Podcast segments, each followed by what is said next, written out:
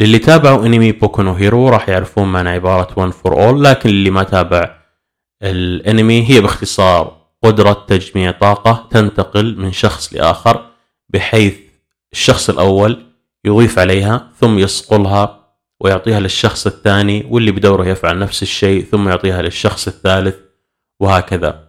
لذلك راح أستغل هذه القدرة الخيالية لتوضيح أمر شبيه لها في الواقع واللي هو نحن كبشر. نحن عبارة عن كل شيء فعله من سبقونا.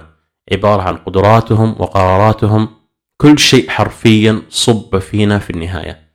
بعبارة أخرى نولد ومعنا إرثهم. سواء كان هذا الإرث إيجابي أم لا. نحن لا نبدأ من الصفر أبدا بل نبدأ من حيث انتهوا هم وإن بدأ أننا نولد متساويين فهذا غير صحيح إطلاقا. فلو شبهنا الحياة بالسباق فليس كل الناس يمتلكون نفس القدرات عند خط البداية. هناك مثلا من يسابق بسيارة وهناك من يستخدم دباب دراجة شخص يسير على قدميه وشخص آخر حافي في اللي يكونون العكس تماما. آه، مربوطين مثلا بأثقال تعيق حركتهم وعليه يقاس.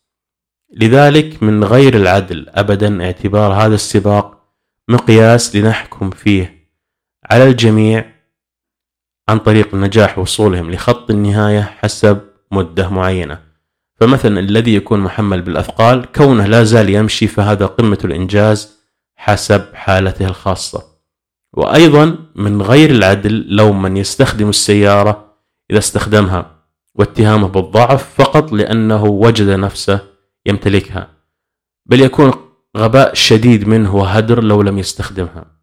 فكما أننا لا يجب أن نحكم بشكل سلبي على من لم يعطوا قدرات تمكنهم من تجاوز هذا السباق فأيضا لا يجب أن نحكم بشكل سلبي على من أعطوها. الفكرة هي فقط أننا نعيش حياة مختلفة وبدروب مختلفة وفعليا لا يوجد سباق أبدا. كل إنسان له دربه الخاص. لكن هل هناك أي فائدة من معرفة هذا؟ بصراحة لا أعلم لكن هي الحقيقة بنظري ومعرفة الحقيقة حتما تفيد وإن لم أكن أعلم كيف ستفيد حقا.